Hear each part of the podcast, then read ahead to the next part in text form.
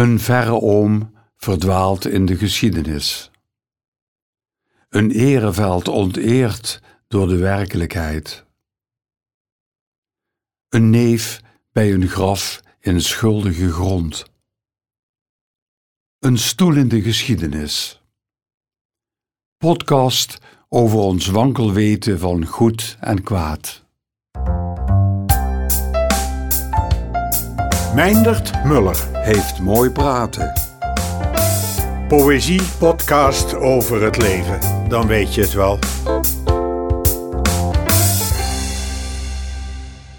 Stoel op Java. Maar hij zat elders op een stoel aan het ontbijt, de orde van de dag veel eisend voor zich. Ook hij zat op een stoel aan een bureau, papieren pauze voor de dure plicht. Ook hij zonk, teruggekomen op een stoel met wat er was, zwaarwegend in zijn hoofd.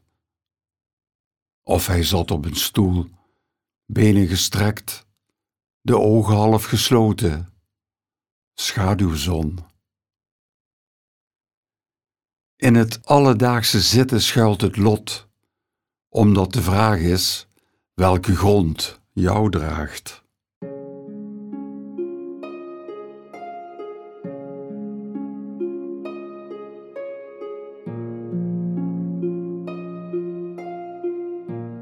Wat bezielt me. Ik heb hem niet eens gekend, nooit ontmoet. Dat wil zeggen, ik hem. Hij mij misschien wel, maar als dat het geval is geweest, was ik nog veel te klein, een jaar of drie. Dan ontmoet je nog niet. Daarbij, hij was van de koude kant. Wat bezielt me dat ik over hem wil schrijven?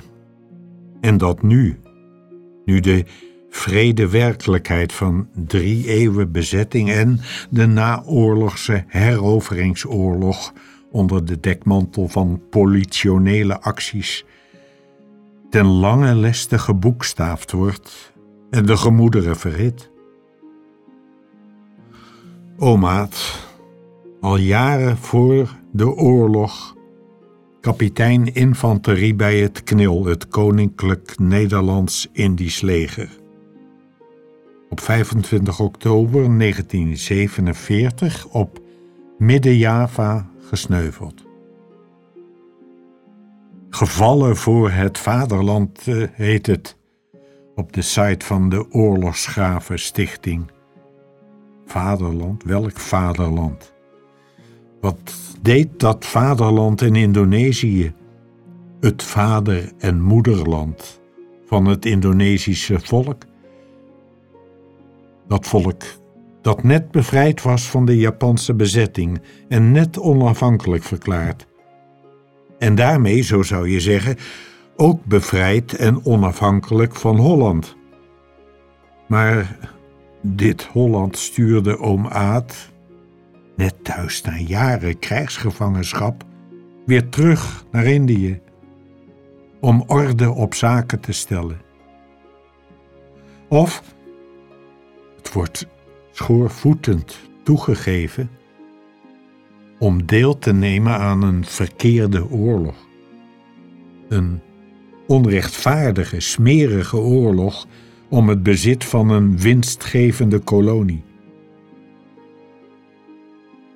Wat bezielt me, wat bezielde me om Aats naam te zoeken op de blankstalen zuilen van het Indië-monument bij Roermond en er meermaals terug te keren.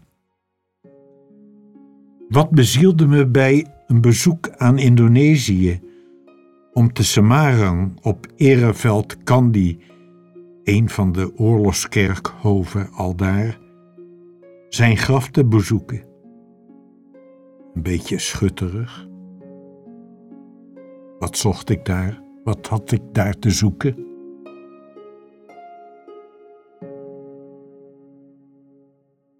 Ereveld Kandi. Wat was er tussen ons? Een naam die spaarzaam werd genoemd. Je was een oom ver weg en bovendien al dood. Er was een mijn die plofte tussen twee oorlogen in. Jij was soldaat daar in dat land, dat ik pas leerde kennen uit het boek dat mij als jongen meenam over zee met padden, haio, bontekoe. Een reis van wel een jaar. De zon staat er aan de verkeerde kant. Je bent mijn oom, je bent me onbekend. We leefden vier jaar in dezelfde tijd. Jij, officier, die ginds met eer je plicht deed en sneuvelde, maar zonder heldenroem. Ik, boerling, een kind, en tussen ons een wereldbol in brand. Ik wist nog niks. Mijn wereld was een huis, een tuin. Ik kende alle mensen nog die er bestonden. Er kwam een nieuwe tante uit Den Haag, net terug van Indië, die in mijn leven lang heeft stand gehouden. Ze bracht jouw naam, een oom zonder gezicht dat naar mij lachte. Wel kwamen er soms mondjesmaat verhalen met woorden die naar vreemde vechten klonken. Krijgsgevangen, Jappenkamp en blij dat we elkaar weer levend vonden. Maar ook zoiets als koel onthaal, omdat er hier voor ander leed geen tijd was. Ons land moest opgebouwd, ons Indië bevrijd van de peloppers die het wilden schaken. Repatriëringsschepen maakten rechtsomkeer met weer tienduizenden soldaten. De klok werd teruggezet, waardoor nog weer tienduizenden het leven zouden laten. Geen oorlog heeft genoeg. Ook jij moest terug.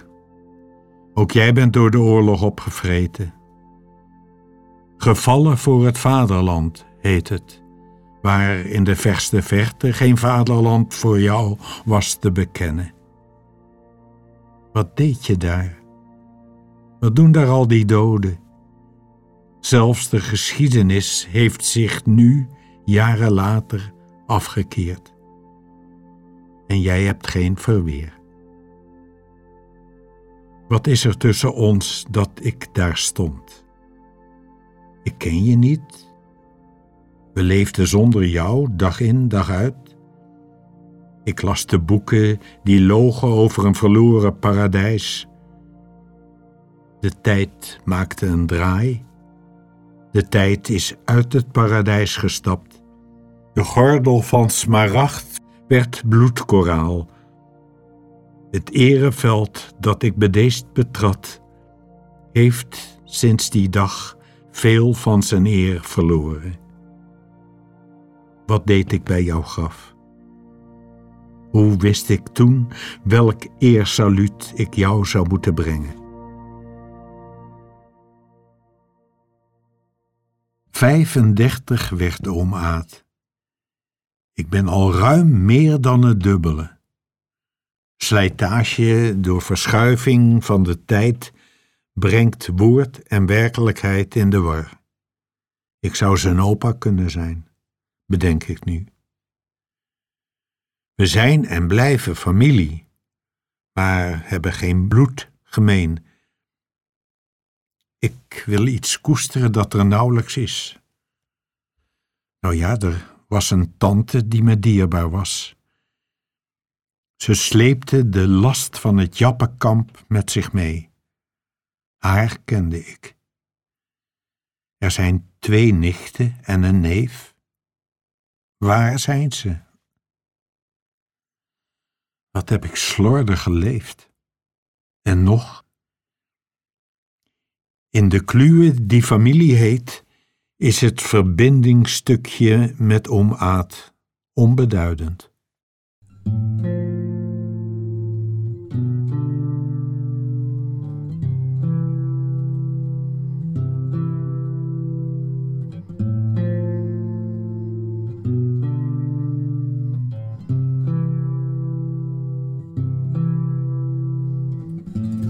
Wat was er tussen ons? Bij het horen noemen van je naam, een maand varen op zijn minst. De zon aan de verkeerde kant.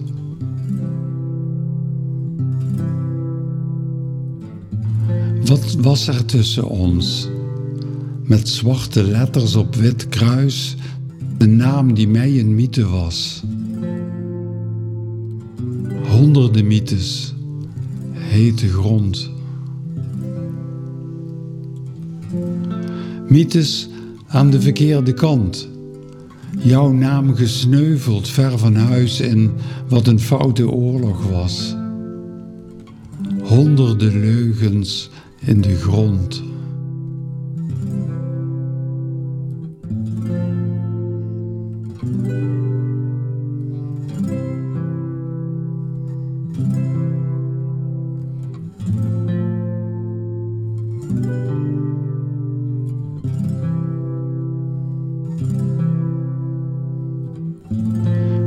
Was en is er tussen ons? Het heimwee van een oud verhaal van een gegaan op trouw en plicht, gegrift in mij in kindertaal.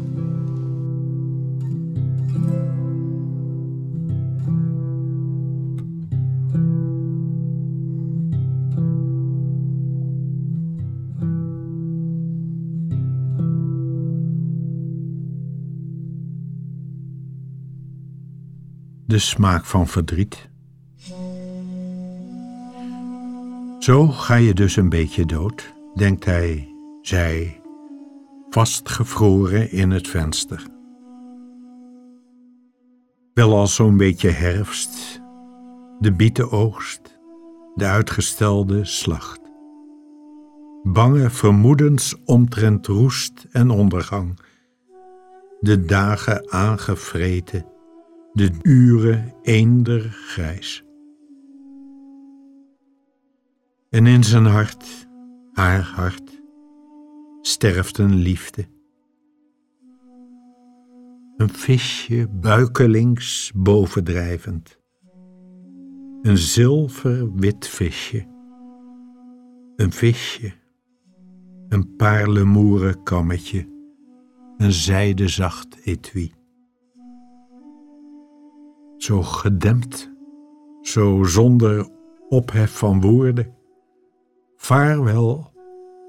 Maar ja, het is dan ook al herfst. En in zijn oor, haar oor, groeit een suize, iets vaag melodisch, berusting van schelpen in een trage branding, een verre zender, Radio Hawaii. Zo ga je dus een beetje dood, denkt hij zij. Door taaie draden geweven in de deur, staande opgebaard, de mond gesnoerd. Passanten in slow motion zwoegen door dikker licht dan gisteren. Alleen de kinderen, blindelings, hebben geen hinder, lijkt het. De stad zinkt naar de bodem een lege zee van tijd. Stilte graaft zich in, op alles voorbereid.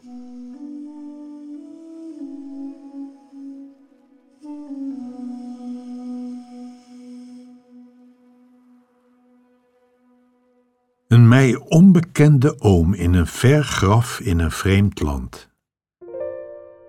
Het weerzien met zijn vrouw, mijn tante en hun kinderen in naoorlogs Holland, een koud en afgewend thuis, was van korte duur.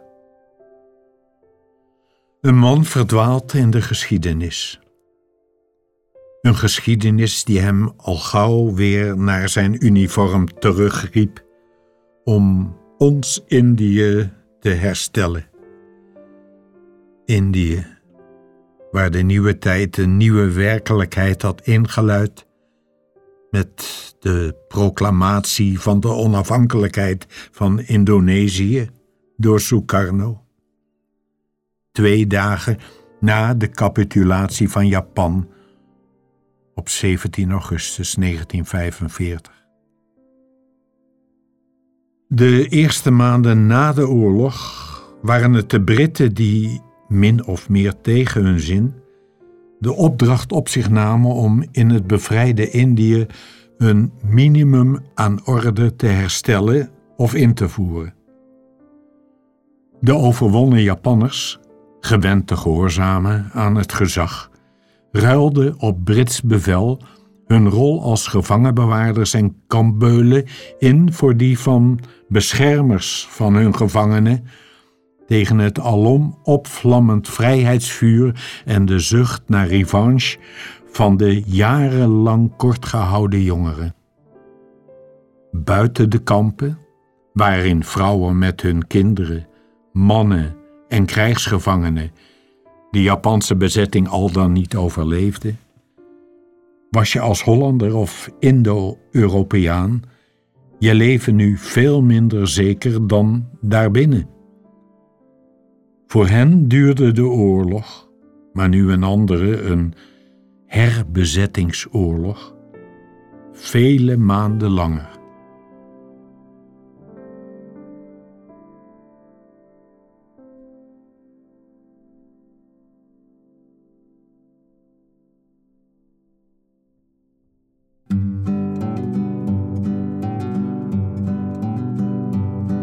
Ben bang voor de oorlog het haast niet te harde dreigen met dood en de vrede aan flarden. Ben bang voor de woorden die met kille precisie de prilste illusie van lente vermoorden.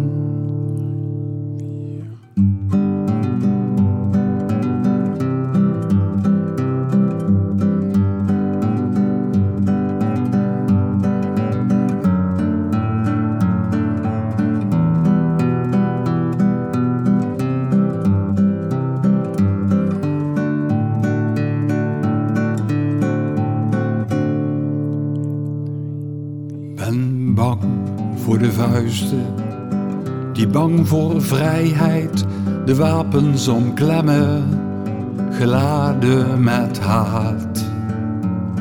Ben bang voor de macht die haar leegte omlijst, met het recht van de sterkste en het grootste gelijk.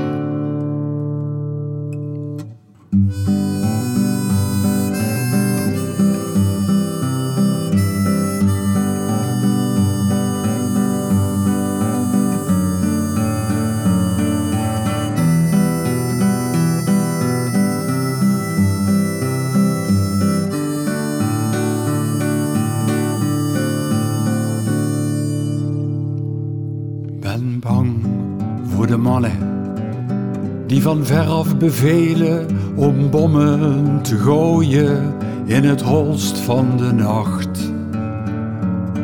Opdat na het tellen van talloze doden een blik op de cijfers hun doodsangst verzacht.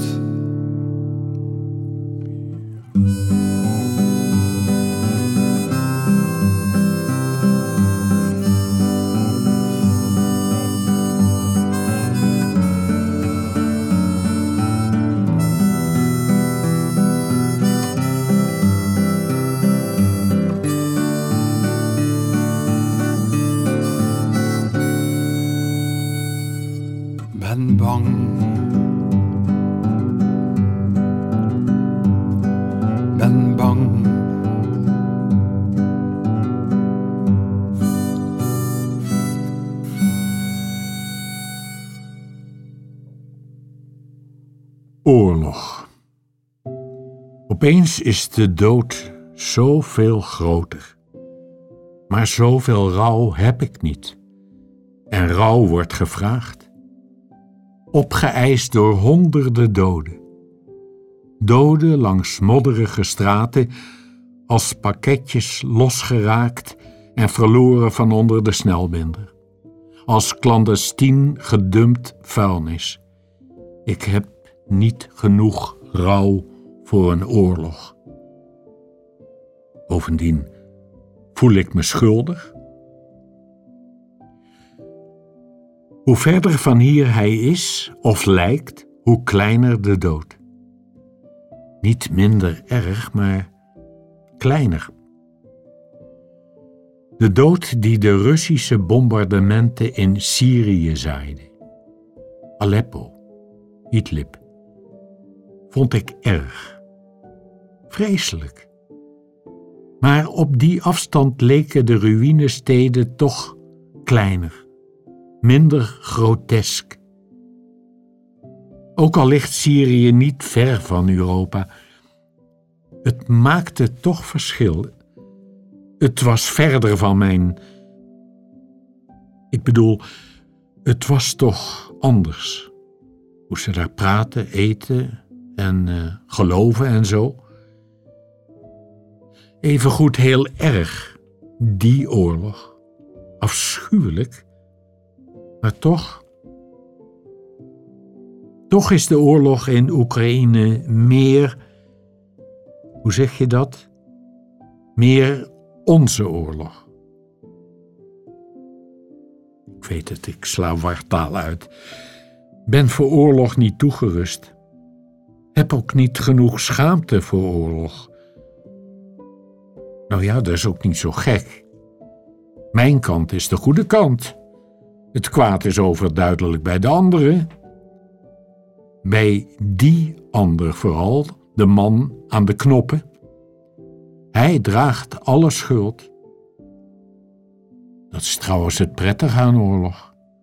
De schuld ligt nooit bij ons, altijd bij de anderen. Die moeten zich schamen.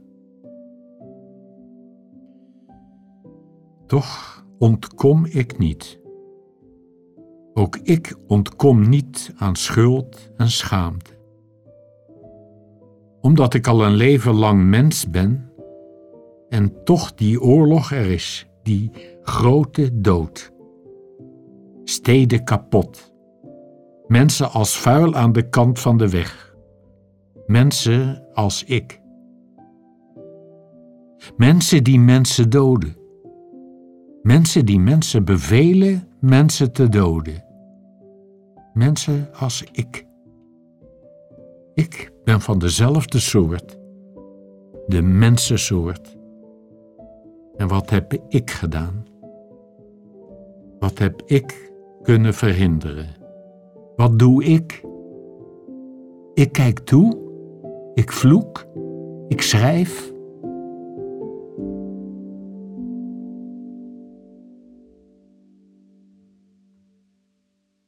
De letters los van dit papier. Laat ze je raken. Laat één elektrode van mij jouw eenzaamheid raken. Dat ik er ben en naar je verlang, angstig egeltje, in krantenpapieren resten van wat je schepping was.